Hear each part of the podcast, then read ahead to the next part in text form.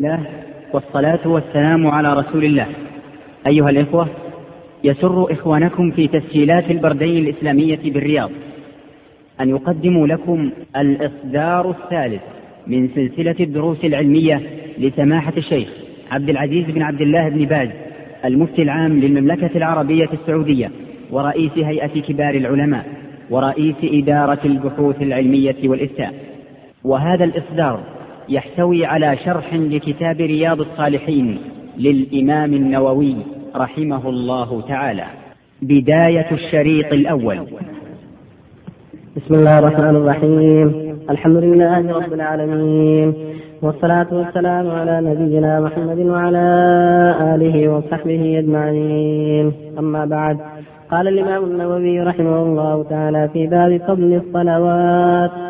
قال الله تعالى إن الصلاة تنهى عن الفحشاء والمنكر. وعن أبي هريرة رضي الله عنه قال سمعت رسول الله صلى الله عليه وسلم يقول أرأيتم لو أن نهرا بباب أحدكم يغتسل منه كل يوم خمس مرات هل يبقى من درنه شيء؟ قالوا لا يبقى من درنه شيء. قال فذلك مثل الصلوات الخمس. يمحو الله بهن الخطايا. متفق عليه. وعن جابر رضي الله عنه قال قال رسول الله صلى الله عليه وسلم مثل الصلوات الخمس كمثل نهر جار غمر على باب أحدكم يغتسل منه كل يوم خمس مرات. رواه مسلم. وعن ابن مسعود رضي الله عنه أن رجلا أصاب من امرأة قبلة فأتى النبي صلى الله عليه وسلم فأخبره فأنزل الله تعالى أقم الصلاة طرفي النهار وزلفا من الليل إن الحسنات يذهبن السيئات فقال الرجل ألي هذا؟ قال لجميع أمتي كلهم متفق عليه. صلى الله وسلم على رسول الله وعلى آله وأصحابه من اهتدى به أما بعد هذه الأحاديث الثلاث تدل على فضل الصلوات الخمس وأن الله جل وعلا يمحو بهن الخطايا ويكثر بهن السيئات لمن حافظ عليهن. وقد شبه النبي صلى الله عليه وسلم قيام العبد بالصلوات الخمس كما على بابه نهر غمر يغتسل من كل يوم خمس مرات. فإن ذلك لا يلقي من درانين يوسخ شيئا. فهكذا الصلاة الخمس في حق من حافظ عليها يغفر الله بهن الخطايا والسيئات. الله يقول جل وعلا أقم الصلاة إن الصلاة تنهى عن الفحشاء والمنكر ويقول سبحانه والذين هم على صلواتهم يحافظون أولئك هم الضعيفون. يرثون الفردوس هم فيها خالدون. ذكر صفات ختمها بالصلاة بدأها بالصلاة وختمها بالصلاة. فالصلوات الخمس هي عمود الإسلام وهي أعظم الأركان بعد الشهادتين. من حافظ عليها حفظ دينه ومن أضاعها فقد أضاع دينه ولا حول ولا قوة وهي عمود الإسلام. ومن رحمة الله أن جعل من حافظ عليها والعناية بها من أسباب تكفير السيئات وحط الخطايا. لمن لم يصر على كبيرة. ولهذا في الحديث الآخر يقول صلى الله عليه وسلم الصلوات الخمس والجمعة إلى الجمعة. ورمضان إلى رمضان كفارات لما بينهم ما لم تزل كبائر. إذا اجتنب الكبائر وفي هذا أن الرجل أتى من امرأة قبلة حراما فجاء تائبا نائبا للنبي صلى الله عليه وسلم فأنزل الله وأقم الصلاة أقم الصلاة طرفي النهار وزلفا من الليل. إن الحسنات يذهبن السيئات. فقال الرجل يا رسول الله هذه خاصة بل قال لأمتي عامة. كل من تاب بعد الذنب تاب الله عليه. وجعل الصلاة كفارة له. والمهم أن نبادر بالتوبة والإقلاع من الذنب. والله يتوب على التائبين كما قال سبحانه وتوبوا إلى الله جميعا. أيها المؤمنون لعلكم تفلحون. قال جل وعلا يا أيها الذين آمنوا توبوا إلى الله توبة نصوحا أعظم الذنوب الشرك. فإذا تاب الإنسان وأسلم محى الله عنه الشرك. فهكذا المعاصي كل من تاب منها توبة صادقة محاها الله عنه. والتوبة الصادقة تجتمع على أمور ثلاثة الندم على الماضي والإقلاع من الذنب وتركه. والعزم أن لا يعود فيه هكذا التوبة. ندم على الماضي حزن على ما مضى منه وإقلاع منه ترك كله وحذر منه خوفا من الله وتعظيما له. وعزم صادق لا يعود فيه وإذا كان يتعلق بالمخلوق بحق المخلوق لابد من شرط رابع. وهو أن يعطي المخلوق حقه أو يتحلله كظلم في نفسه وفي ماله وفي عرضه. لا تتم التوبة إلا بالتحلل أو إعطائه حق إلا بالعرض يعني بيتيسر له تحلله يدعو له ويذكره بالخير الذي يعلمه منه في المجالس التي تابعه فيها حتى تكون هذه بهذا. وفق الله الجميع. نعم.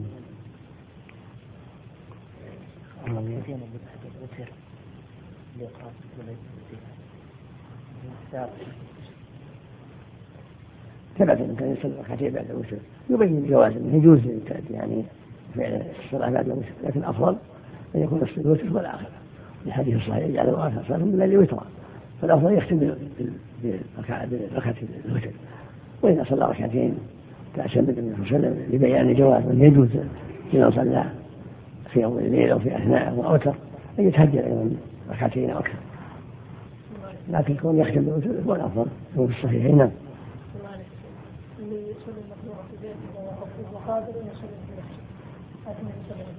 صحيح لكن يعلم قد شبه دون نعم يعلم.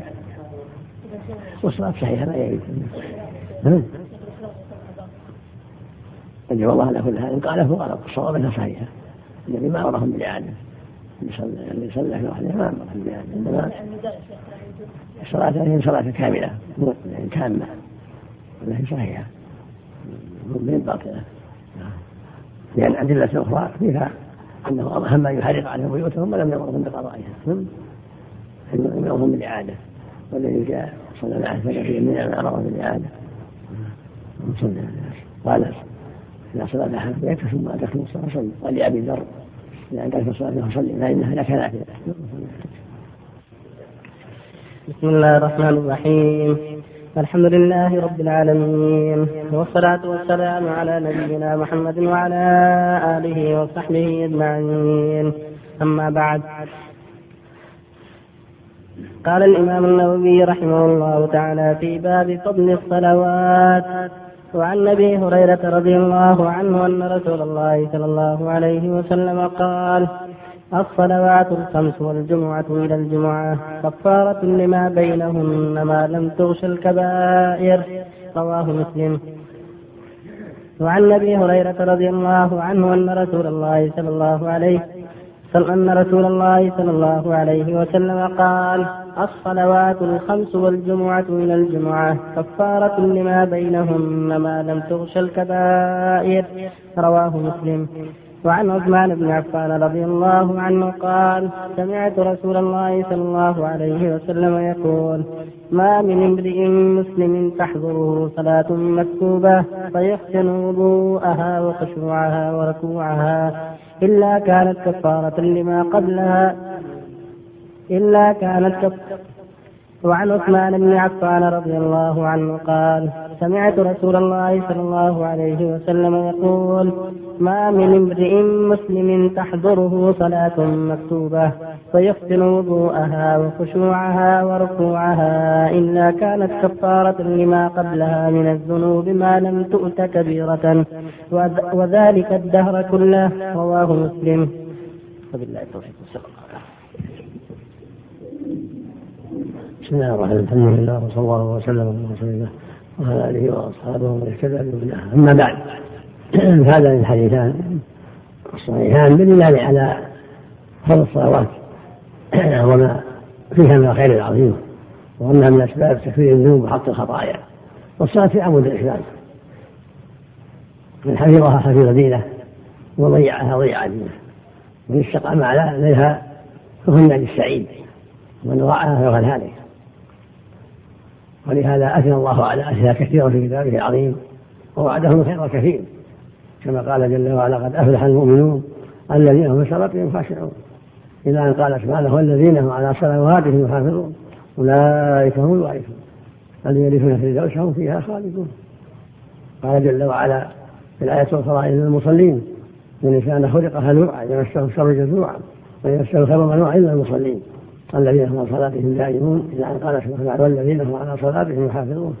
أولئك في جنات مكرمون. قال عز وجل وأقم الصلاة إن الصلاة تنهى عن الفحشاء والمنكر. وفي حديث أبي هريرة صلى الله عليه وسلم الصلاة خمس والجمعة إلى الجمعة ورمضان إلى رمضان كفارة ما بينهن ما لم تخشى الكبائر.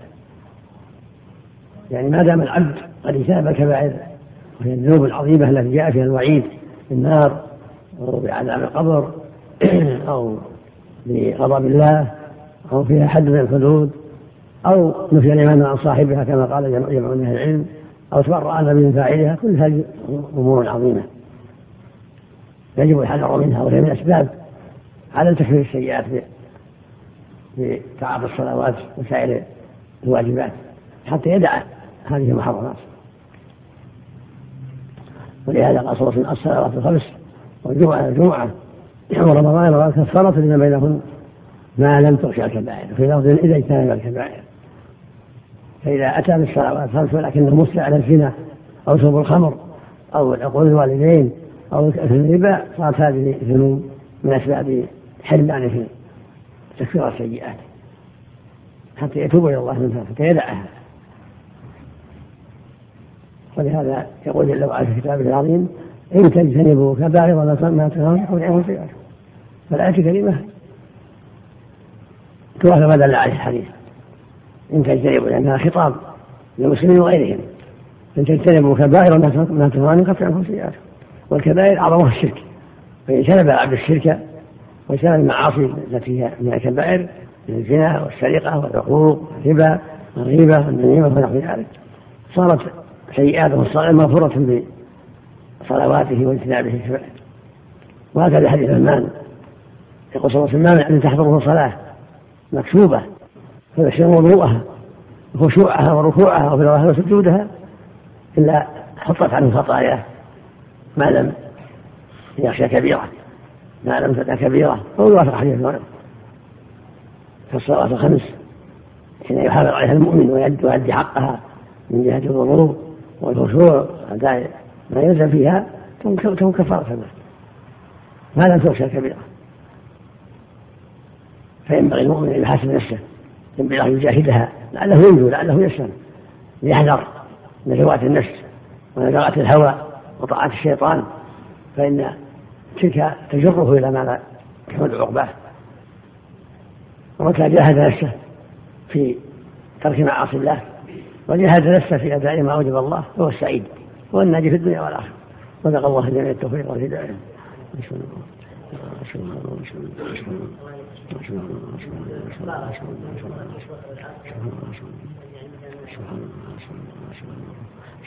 نعم ما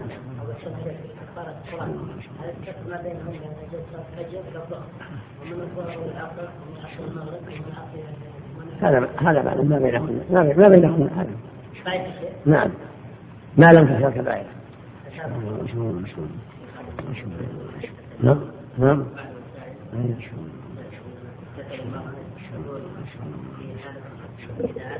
هل الشامبو الأحمر يستخدم أم لا؟ لا بأس في حال العباد الشامبو استعماله هو طيب. الشامبو والسجل ليس بطيب. والصابون كذلك. لكن المسك اللي له رائحة إذا تريد من باب الاحتياط حسن. ولا بقية الصابون والإشنان. والسجل والشامبو كل هذا لا حاجة حق حق محدد. أشتغل وأمشي في البيت ليلا أو نهارا حتى لو حتى الساعة سنتين وثلاثة والخروج إلى الحوش. يجوز أم لا؟ المعدة مثل غيرها تمشي في البيت من تحت منتعلة أو من محتفية في البيت في صحن البيت في حوش البيت في حديقة البيت في السطوح في القمر أو في الظلمة مثل غيرها منها إنما الحادة تجتنب أمور خمسة أمور خمسة عليها أن تجتنبها الحادة الأول عدم الخروج من بيتها. تلزم سكنها. إنما زوجها ساكن في البيت تلزم. إلا بحاجة خروجها مثل شراء حاجة من السوق حاجاتها خروجها للطبيب للمحكمة إذا كان هناك خصومة لا بأس. حاجات. تقول ثم ملابس عادية. ما تلبس الجميل تم ملابس عادية. الثالث عدم الطيب. لا في بدنها ولا في ثيابها.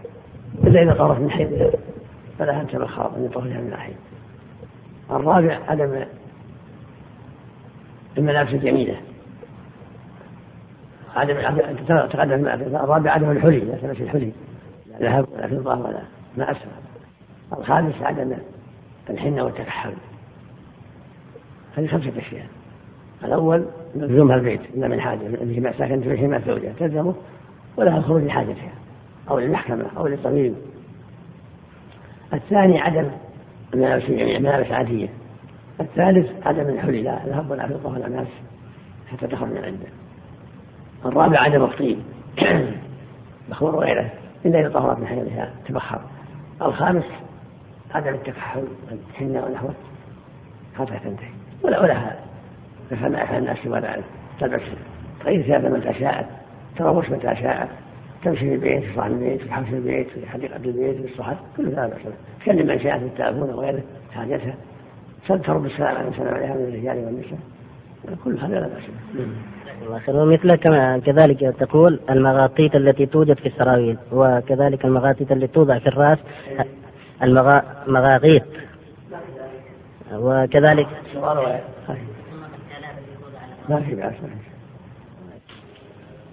بسم الله الرحمن الرحيم الحمد لله رب العالمين والصلاة والسلام على نبينا محمد وعلى آله وصحبه أجمعين أما بعد قال الإمام النووي رحمه الله تعالى باب صلاة الصبح والعصر عن نبي موسى رضي الله عنه أن رسول الله صلى الله عليه وسلم قال من صلى البردين دخل الجنة متفق عليه وعن أبي زهير عمارة بن رويبة رضي الله عنه قال وعن أبي زهير عمارة بن ربي ربيبة رضي الله رويبة رضي الله عنه قال سمعت رسول الله صلى الله عليه وسلم يقول لن يلج النار أحد صلى قبل طلوع الشمس وقبل غروبها يعني الفجر والعصر رواه مسلم.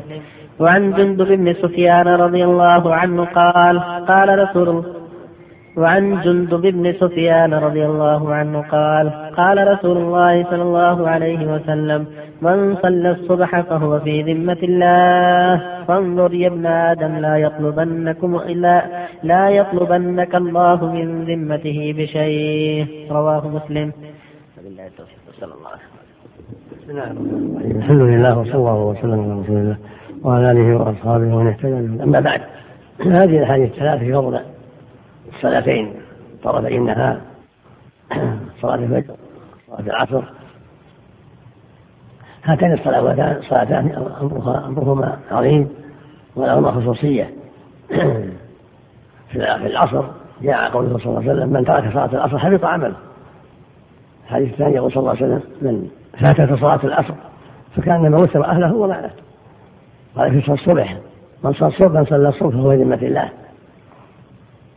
قال يا ابن آدم لا لا يطلبن يطلبك الله لا يطلبنك الله بشيء من ذمته من ذمته فانه من يطلب الله بشيء من ذمته يدركه ثم يكبه في النار.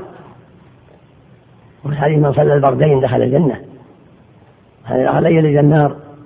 أحد صلى قبل طلوع الشمس وقبل غروبها يعني الفجر والعصر. وذلك لأنهما صلاتان عظيمتان في طرفي النهار.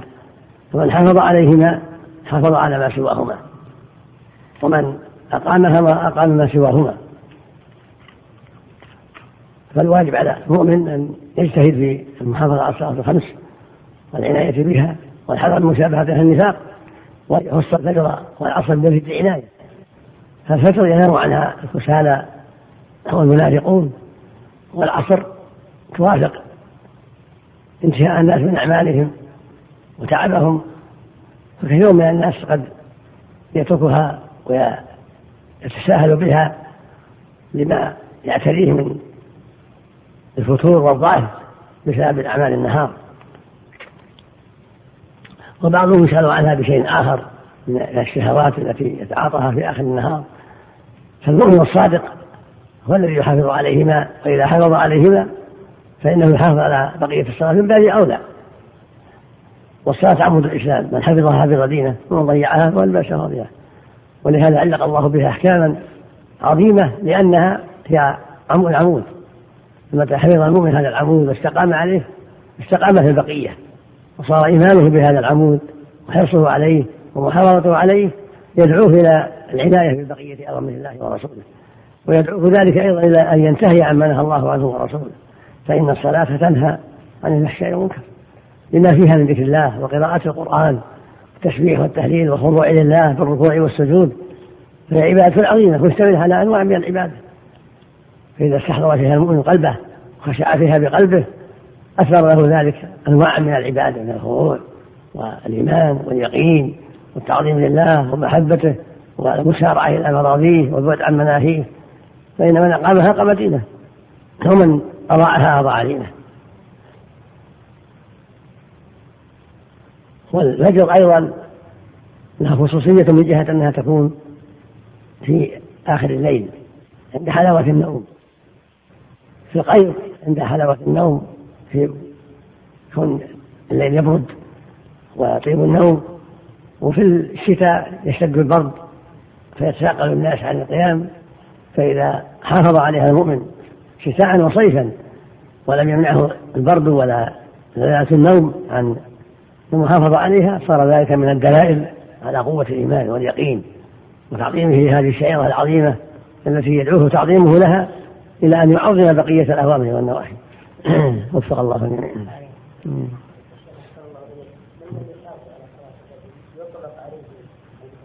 تشابه المنافقين أكثر صلاة المنافقين صلاة العشاء وصلاة ولو يعلم ما فيها لا أتوا ولا خبر نسأل الله. هذا من النفاق العملي. يقال له هذه إحدى صلة المنافق هذه صلة المنافق نسأل الله العافية مثله مثله هو يوضع جميع صلاة واحدة يكفر. هذا صحيح. صحيح. من أقوال العلماء يكفر بواحدة نسأل الله. إذا تركها تعمدا حتى خرج وقتها. عليه التوبة والنوبة والإنابة إلى الله. إذا تاب تاب الله عليه.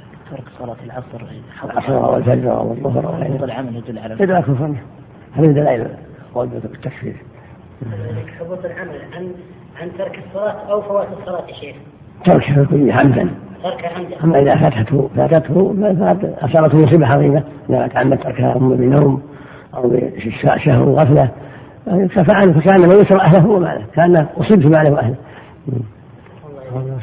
بسم الله الرحمن الرحيم. الحمد لله رب العالمين. والصلاة والسلام على نبينا محمد وعلى آله وصحبه أجمعين. أما بعد قال الإمام النووي رحمه الله تعالى في باب صلاة الصبح والعصر وعن أبي هريرة رضي الله عنه قال قال رسول الله صلى الله عليه وسلم يتعاقبون فيكم ملائكة بالليل وملائكة بالنهار. ويجتمعون في صلاة الصبح وصلاة العصر ثم يعرج الذين باتوا فيكم فيسألهم الله وهو أعلم بهم كيف تركتم عبادي؟ فيقولون تركناهم وهم يصلون وأتيناهم وهم يصلون. متفق عليه. وعن جرير بن عبد الله البجلي رضي الله عنه قال كنا عند النبي صلى الله عليه وسلم فنظر إلى القمر ليلة البدر فقال إنكم سترون ربكم كما ترون هذا القمر.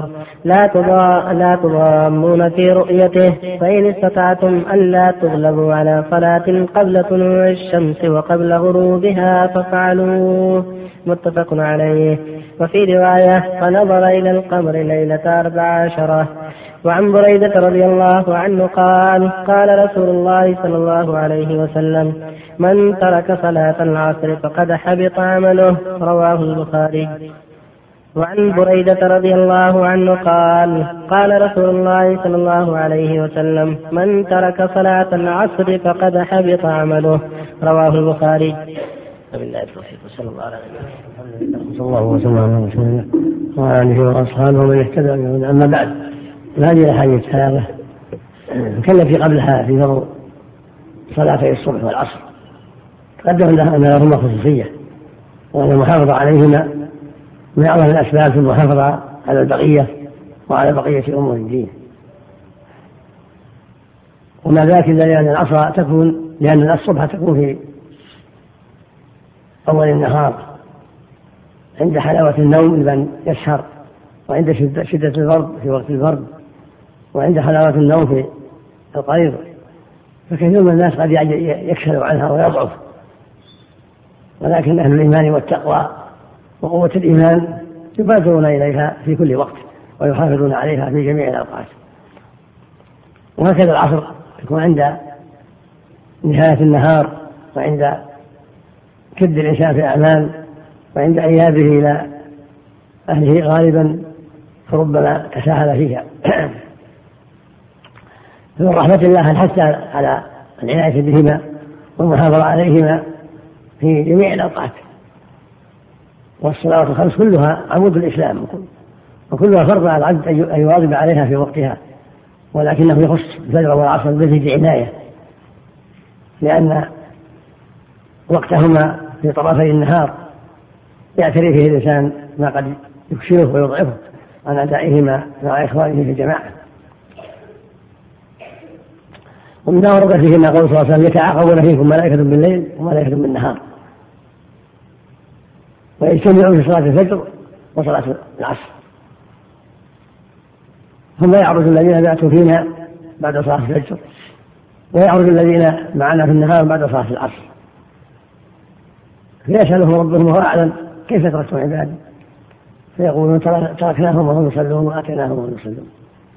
هذه منقبة لأهل الصلاة وأن الملائكة تشهد لهم عند ربها أنهم أتاهم يصلون وتركوهم وهم يصلون.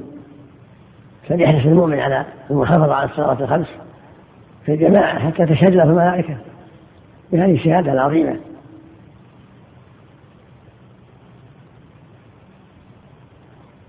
وحديث جرير بن عبد الله البجلي رضي الله عنه. يقول النبي صلى الله عليه وسلم نظر إلى القمر ليله البدر. يعني عند استكماله ليلة 14 عند قوة نوره فقال إنكم سترون ربكم يوم القيامة كما ترون هذا القمر ليله البدر. يعني يعني رؤيه واضحة لا إشكال فيها. ولهذا قال لا تضامون في ذلك لفظين لا يزدحمون ما يحتاج ازدحام ويقول لا تضامون. يعني لا ينظرون بعضكم لبعض للرؤية فهي رؤية واضحة. الآخر لا تضارون في رؤيته لا تشكون في رؤيته هذا فيه بشرى لأهل الإيمان. وأن يرون ربهم يوم القيامة في الموقف وفي الجنة.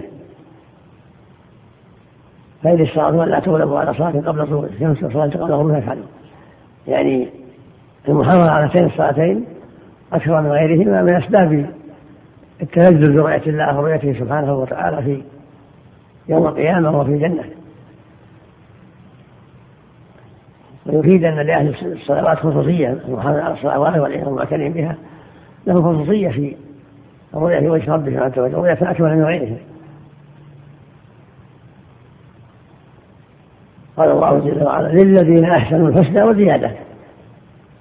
جاء في الحديث الصحيح أنه قال الزيادة النظر لوجه الله. كان الإيمان الذين أحسنوا إيمانهم لهم الحسنى وهي الجنة؟ ولهم زيادة من النظر إلى وجه الله عز وجل. لكمال إيمانهم وكمال تقواهم على الصلوات وأداء حق الله وحق عباده. والحديث الثالث عن النبي عليه الصلاة والسلام ثلاث حديث حديث دريدة من ترك صلاة العصر حبط عمله. وفي اللفظ الآخر من فاتته صلاة العصر فكأنها وتر أهله وماله. فاتته في مصيبة عظيمة.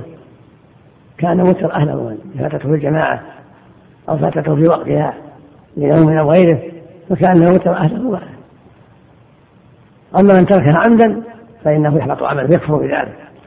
من تركها عمدا بطل عمله وكفر بذلك كغيرها من الصلوات. لقوله صلى الله عليه وسلم بين الرجل وبين الكفر والشرك ترك الصلاة. قوله صلى الله عليه وسلم العدل بينه وبينهم الصلاة فمن تركها فقد كفر. هذا يوجب العناية في الصلوات والمحافظة عليها والحذر من تركها أو التساهل بأدائها في الوقت. فهي عمود الإسلام وهي الفارقة بين المسلم والكافر وهي الحافظة. من حفظها حفظ دينه ومن ضيعها فهو لما سواها أضيع. في الحديث الأخير يقول في الحديث الآخر يقول أول ما يحاسب العبد من عمله صلاته. أول شيء يحاسب عليه القيامة صلاته. فإن صلحت فقد أفلح وأنجح. وإن فسدت فقد خاب وأخسر. وفي اللفظ الآخر فإن قبلت صلاته قبل سائر عمله. وإن ردت عليه الصلاة رد عليه سائر عمله. فعليك يا عبد الله بحرص على المحافظة على الصلاة بطمأنينة وإخلاص وخشوع وأن تكون لك عناية بالفجر والعصر أكثر أكثر وأعظم وفق الله جميع التوفيق والهداية. صلى الله وسلم. اللهم صل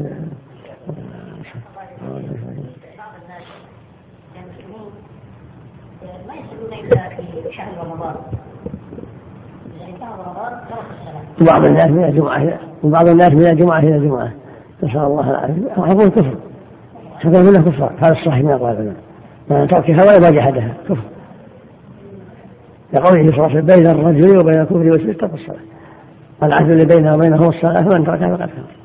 من ترك صلاة العصر حبط عمله حبط عمله يكون الكفر ومن يكفر بالإيمان فقد حبط عمله ولو أشركوا لحبط عنهم ما كان يعمل ما شاء الله. يعني ينامون عن صلاة الفجر وصلاة العصر ما جحدوها بس إذا قاموا صلوا أبدا اللي ينام عن صلاة الفجر وإذا يذهب العمل إذا تعمد يكفر بذلك. إذا تعمد ذلك يكفر بذلك. أما إذا غلبه النوم عليه يبادر الصلاة إذا استيقظ أما يتعمد يركب الساعة إلى وقت ذهابه إلى عمله. جاهز أنه يصلي إلا بعد وقت أو العصر يجري مثل ذلك ترك عمدا هذا يكفر بذلك إن شاء الله. لو كان شبه يومي؟ نعم ولو لو كان شبه يومي يكفر بأول مرة. وكل ما زاد تركه زاد كفره.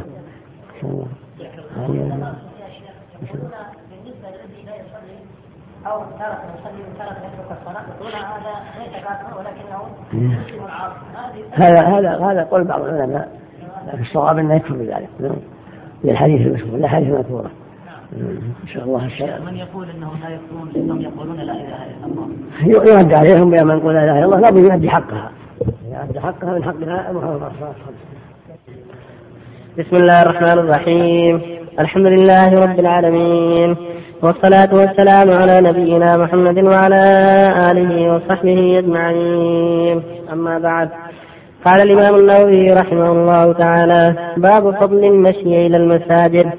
عن أبي هريرة رضي الله عنه أن النبي صلى الله عليه وسلم قال من غدا إلى المسجد أو راح أعد الله له في الجنة نزلا كلما غدا أو راح.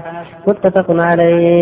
وعنه أن النبي صلى الله عليه وسلم قال من تطهر في بيته ثم مضى إلى بيت من بيوت الله ليقضي فريضة من فرائض الله. كانت خطواته إحداها تحط خطية والأخرى ترفع درجة رواه مسلم.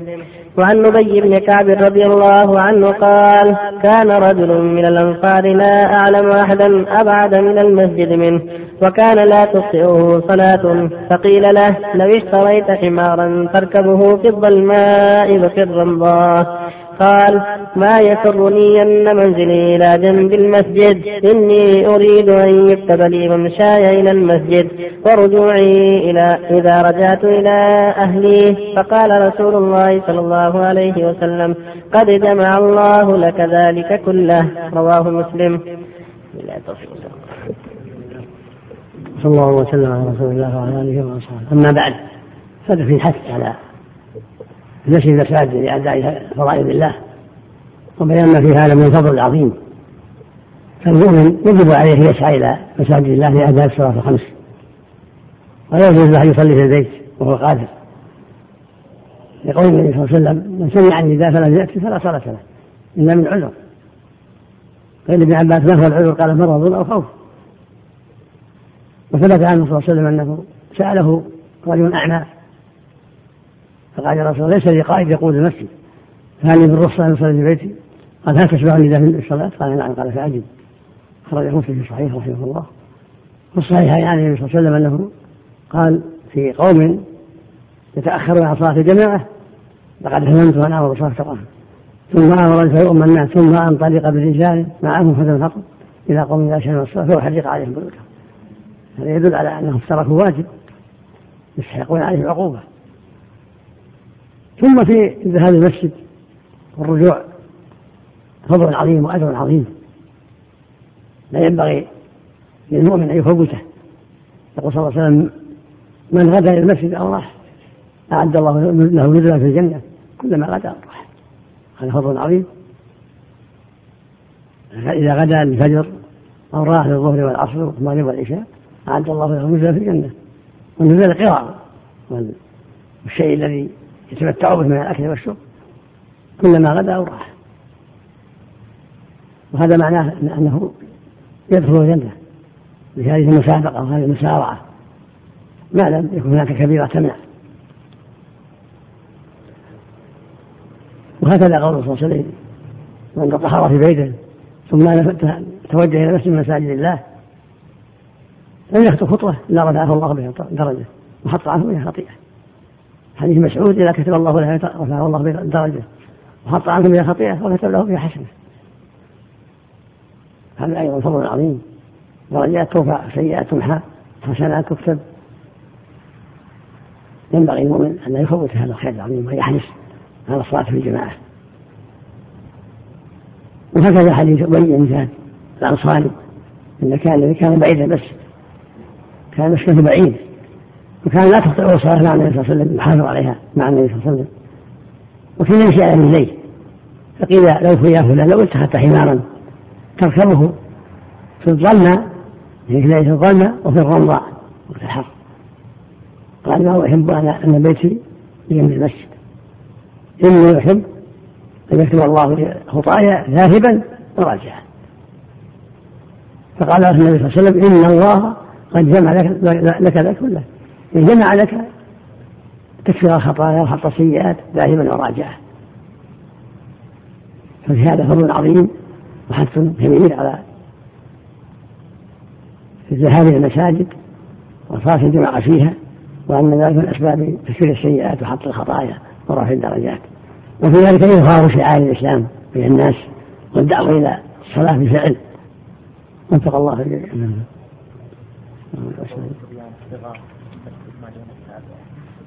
المنزل السابعة تركه أولى إذا تيسر لا يشوش على الناس.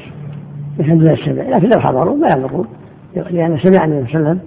يقول صلى الله عليه وسلم إذا سمعوا بقاء الصبي فلا تجوز ولم ينههن. لأن قد يحتاج إلى قد يضطر إلينا ما عنده أحد يجزاه.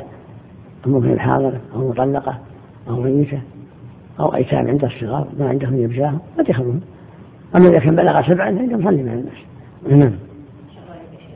لابد يا شيخ من استحضار النية. نعم. والخطوات لابد من استحضار النية. ما دام نعم الصلاة يكفي. أو ما دام ذهب في نية الصلاة هذه النية.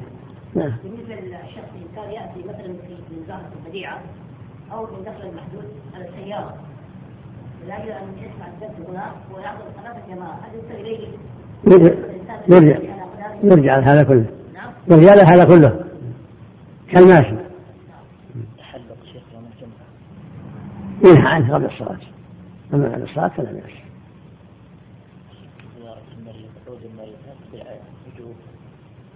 هذا الأصل في الأوامر والاصل في المعروف عند العلماء السنة مؤكدة. من الأصل الاوامر الوجوب. هذا الأصل. بسم الله الرحمن الرحيم. الحمد لله رب العالمين. والصلاة والسلام على نبينا محمد وعلى آله وصحبه أجمعين. أما بعد. قال الإمام النووي رحمه الله تعالى في باب فضل المشي إلى المساجد وعن جابر رضي الله عنه قال خلت البقاع حول المسجد فأراد بنو سلمة أن ينتقلوا قرب المسجد فغلب فبلغ ذلك النبي صلى الله عليه وسلم فقال لهم بلغني أنكم تريدون أن تنتقلوا قرب المسجد. قالوا نعم يا رسول الله قد أردنا ذلك. فقال بني سلمة دياركم دياركم تكتب آثاركم دياركم تكتب آثاركم. فقالوا ما يسرنا أنا كنا تحولنا؟ رواه مسلم. وروى البخاري معناه من رواية من رواية أنس. وعن أبي موسى رضي الله عنه قال قال رسول الله صلى الله عليه وسلم إن أعظم الناس اجرا في الصلاة أبعدهم إليها ممشى وعن أبي موسى رضي الله عنه قال قال رسول الله صلى الله عليه وسلم إن أعظم الناس اجرا في الصلاة أبعدهم إليها ممشى فأبعدهم. والذي ينتظر والذي ينتظر الصلاة حتى يصليها مع الإمام أعظم أجرا من الذي يصلي ثم ينام. متفق عليه. وعن وعن بريدة رضي الله عنه عن النبي صلى الله عليه وسلم قال بشر المشائين في الظلم إلى المساجد بالنور التام يوم القيامة رواه أبو داود والترمذي. صلى الله عليه وسلم صلى الله عليه وسلم. وآله وأصحابه. أما بعد هذه الأحاديث التي قبلها في فضل المشي إلى المساجد من الخطأ إلى المساجد. فيها خير عظيم وأن الله يكتب للناس بخطواته أجورا حسنات ويحط سيئات. فينبغي المؤمن أن يصبر على ذلك وأن يتحرى الأجر في ذلك. فذهابه إلى المسجد ورجوعه إلى المسجد يكتب له به حسنات. ورفع درجات وحق خطيئات. ولهذا يقول عليه الصلاة والسلام يعني إن أعظم الناس في الصلاة أجرا أبعدهم فأبعدهم ممشى وهكذا في حديث بني سلمة يا بني سلمة زيارتهم تكتب آثارهم لما أرادوا أن ينتقلوا إلى المسجد قال لهم يا بني سلمة زيارتهم تكتب آثارهم إذا يلزم زيارتهم تبقوا فيها تكتب آثارهم. حديث مسعود أن العبد إذا ذهب إلى الصلاة كتب الله بكل خطوة حسنة. ورفع له عنه من الخطيئة الحديث يبشر المشايخ والظلم بالمريد التام يوم القيامة فالمؤمن يحتسب ويصبر في خروجه إلى الصلاة في الليل في ليلة الظلمة. يرجو ما عند الله من المثوبة فإذا كانت البلاد قد يسر الله لها النور والضوء بهذه الكهرباء الآن فالنعمة عظيمة ولا عذر للإنسان في تساهل قد يسر الله له الأمر والنور. المقصود لو فرض أن البلد مظلمة فالواجب عليه أن يتصبر ويتحمل ويخرج المساجد ويؤدي صلاة الجماعة. يرجو ما عند الله من التوبة والأحاديث مطلقة في فضل الجماعة. تفسرها الأحاديث الصحيحة الأخرى في وجوب الجماعة. فالجماعة لها فضل وهي واجبة أيضا. فإخبار الرسول عن فضل الجماعة لا يمنع من أخذ الأدلة الأخرى الدالة على وجوبها وأن تؤدى هذه الصلاة في المساجد في بيوت الله جل وعلا. فيؤخذ بالأدلة كلها. ولهذا هم صلى الله عليه وسلم أن يهرق على مدخلهم بيوتهم. فلولا أنها جريمة عظيمة لم يهم بهذه العقوبة العظيمة. وفي الحديث الصحيح صلى الله عليه وسلم من سمع النداء فلا نأتي فلا صلاة له إلا من عذر. يقول للأعمى هل تسمع النداء قال نعم قال فأجب. فزواجهما هذا في هذا أجر عظيم وفي الدرجات مضاعفة الحسنات تكفير الخطيئات وبالنور التالي يوم القيامة نسأل الله لجميع التوفيق ولذلك نعم صلى الله إليك حديث بريدة صحيح؟ أي أي أي بشر مشينا ما رجعت سنده من هذه حاشية نعم. رواه داود وله والترمذي وله شاهد من حديث انس عند ابن ماجه ومستدرك الحاكم وعن سهل بن سعد الساعدي عند الحاكم فالحديث صحيح. يحتاج مراجعة أسانيده وبهذه الشواهد يكون إذا كانت سند هديه يكون باب الصحيح لغيره. وإن كانت أسانيدها في هذين فهي باب الحسن لغيره. نعم. نعم. الأقرب منها بعد طلوع الشمس بعد ارتفاع الشمس. نعم يشرع الإنسان جلوس مسجده حتى ترتفع الشمس. والأقرب منها بعد طلوع الشمس نعم من ارتفاع الشمس. التنطيط في الأذان تدخين لا السنة خلاف مكروه. السنة أن يكون الأذان سمح ليس فيه عجلة وليس فيه تنطيط بين بين ذلك. يرد وراه الشيخ يرد يجاب. نعم. يكون مؤذن يستعجل بالأذان ما يمدي مثلا الواحد يرد وراه لا يتابع والحمد لله. ميسر. ولا يستعجل المتابعة تيسر لكن لكن العبد يتعلم يترسل لا يكون لا يكون ملحن. ولا يكون معجل ولكن هو بين ذلك. وإذا ما استجاب أحسن الله إليك المؤذن يجاب يجاب يجاب المؤذن مطلقا. وإذا كان في خلل يرفع أمره إلى الجهة المسؤولة إذا ما استجاب. الإمام يرفع أمره إلى الجهة المسؤولة حتى يبدل أو يستجيب. بسم الله الرحمن الرحيم. الحمد لله رب العالمين. والصلاة والسلام على نبينا محمد وعلى آله وصحبه أجمعين. أما بعد قال الإمام النووي رحمه الله تعالى في باب فضل في باب فضل المشي إلى المساجد. وعن أبي هريرة رضي الله عنه أن رسول الله صلى الله عليه وسلم قال ألا أدلكم على ما يمحو الله به الخطايا ويرفع به الدرجات؟ قالوا بلى يا رسول الله. قال إسباغ الوضوء على المكاره وكثرة الخطى إلى المساجد وانتظار وانتظار الصلاة بعد الصلاة فذلكم الرباط فذلكم الرباط رواه مسلم. وعن أبي سعيد الخدري رضي الله عنه عن النبي صلى الله عليه وسلم قال إذا رأيتم الرجل يعتاد المساجد فاشهدوا له بالإيمان. قال الله عز وجل إنما يعمر مساجد الله من آمن بالله واليوم الآخر. الآية رواه الترمذي وقال حديث حسن. بالله التوفيق صلى الله عليه وسلم. الحمد لله. وصلى الله وسلم على رسول الله وعلى آله وأصحابه. أما بعد هذا من حديثان كلاهما يتعلقان بالصلاة والمحافظة عليها والعناية بها مع العناية بالوضوء ومع العناية بالمشي إليها. وتقدم قوله صلى الله عليه وسلم إن أعظم الناس في الصلاة أجرا أبعدهم فأبعدهم من شاء قدم قوله صلى الله عليه وسلم في الحديث الصحيح مثل الصلاة الخمس كمثل نحن غمر على باب أحدكم يغفر من كل يوم خمس مرات فعل ذلك يلقي من دربه شيئا؟ الحديث الآخر الصلوات الخمس والجمعة الجمعة ورمضان ورمضان كفارة لما بينهن ما لم تكفر كبائر وفي هذا الحديث يقول صلى الله عليه وسلم ألا أدلكم على ما ينفع الله به الخطايا ويرفع به الدرجات. يعني يحصل به هذا وهذا. تكفير السيئات ورفع الدرجات. بلى يا رسول الله؟ قال إسباغ الوضوء على المكاره كثرة الخطى إلى المساجد وانتظار الصلاة بعد الصلاة. فذلك هو الجبال فذلك هو الجبال. يعني مشار في قوله جل وعلا يصبرون وصابرون ورابطون فمن الرباط العناية بالصلاة وانتظارها كل ما فرغ عن الصلاة تكون على بالك الصلاة الأخرى ينتظرها ويعزم على أدائها في الجماعة فهو معتن بها محافظ عليها متأثر بها.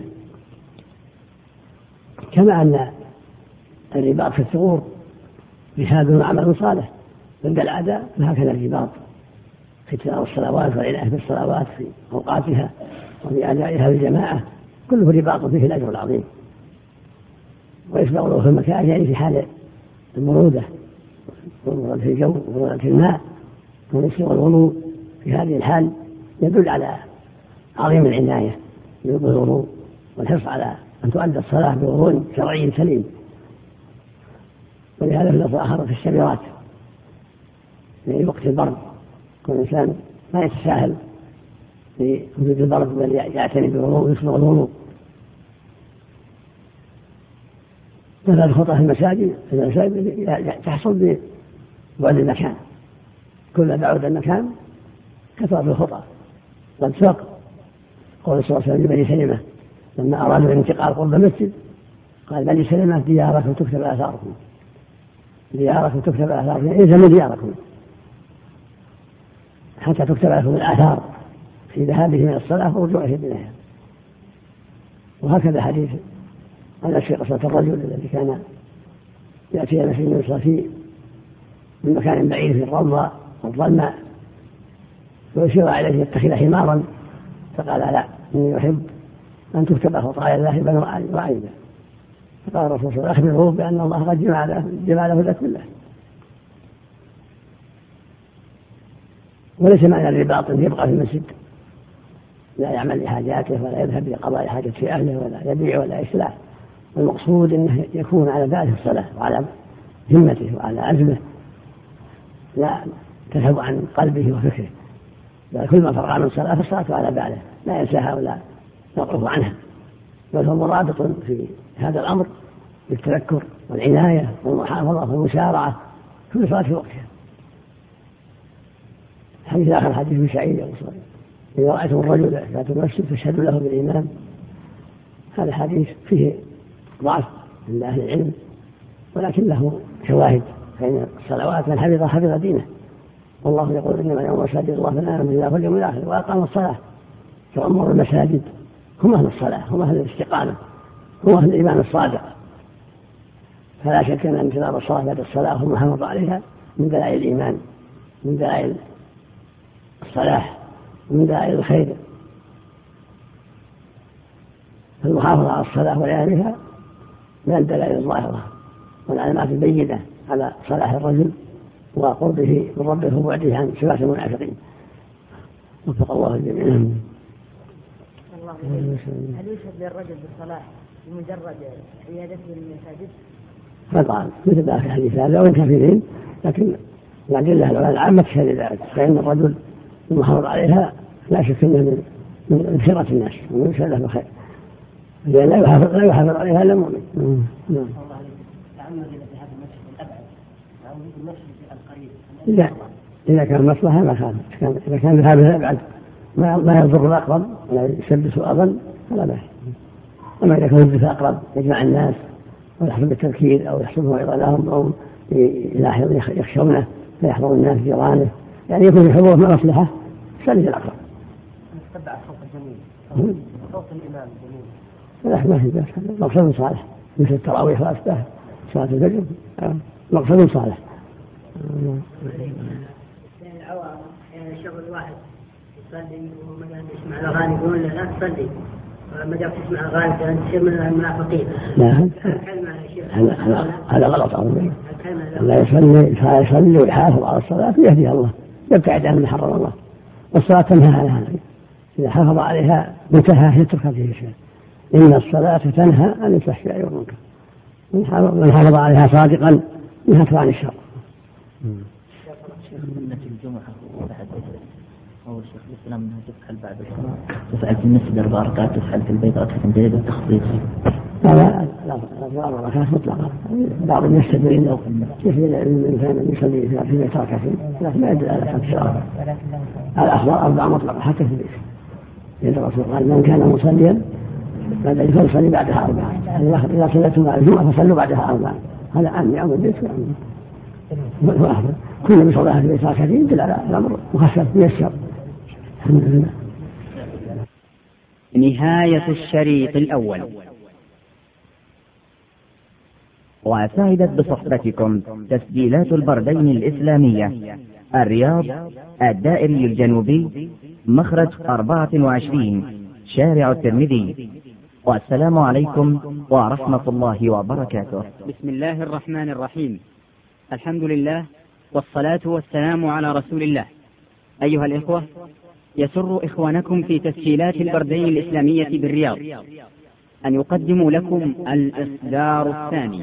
من سلسلة الدروس العلمية لسماحة الشيخ عبد العزيز بن عبد الله بن باز المفتي العام للمملكة العربية السعودية ورئيس هيئة كبار العلماء ورئيس إدارة البحوث العلمية والإفتاء. وهذا الإصدار يحتوي على شرح لكتاب بلوغ المرام للحافظ ابن حجر العسقلاني رحمه الله تعالى. كتاب الجنائز بسم الله الرحمن الرحيم. الحمد لله والصلاة والسلام على رسول الله. أيها الإخوة يسر إخوانكم في تسجيلات البردين الإسلامية بالرياض. أن يقدموا لكم سلسلة الدروس العلمية مع فضيلة الشيخ سعد بن عبد الله الحميد في شرح كتاب الطهارة من صحيح مسلم. بسم الله الرحمن الرحيم. الحمد لله والصلاة والسلام على رسول الله. أيها الإخوة يسر إخوانكم في تسجيلات البردين الإسلامية بالرياض. أن يقدموا لكم سلسلة الدروس العلمية لفضيلة الشيخ صالح بن عبد العزيز آل الشيخ. وهو كتاب التوحيد للإمام المصلح المجدد شيخ الإسلام والمسلمين محمد بن عبد الوهاب. بسم الله والحمد لله والصلاة والسلام على رسول الله. أيها الإخوة يسر إخوانكم في تسجيلات البردين الإسلامية بالرياض أن يقدموا لكم سلسلة الدروس العلمية لفضيلة الشيخ الدكتور عبد الله بن عبد الرحمن بن جبرين عضو الإفتاء بإدارة البحوث العلمية والإفتاء. منهج السالكين وتوضيح الفقه في الدين للشيخ عبد الرحمن بن ناصر بن سعدي رحمه الله. بسم الله الرحمن الرحيم. الحمد لله والصلاة والسلام على رسول الله. أيها الإخوة يسر إخوانكم في تسجيلات البردين الإسلامية بالرياض. أن يقدموا لكم سلسلة الدروس العلمية لفضيلة الشيخ عبد العزيز بن محمد السدحان. بعنوان أفهام خاطئة وروايات باطلة في سير الأنبياء والمرسلين. بسم الله الرحمن الرحيم. الحمد لله والصلاة والسلام على رسول الله. أيها الإخوة يسر إخوانكم في تسجيلات البردين الإسلامية بالرياض. أن يقدموا لكم سلسلة الدروس العلمية لفضيلة الشيخ. عبد العزيز بن إبراهيم بن قاسم. والكتاب الذي سيتم شرحه إن شاء الله هو كتاب الورقات في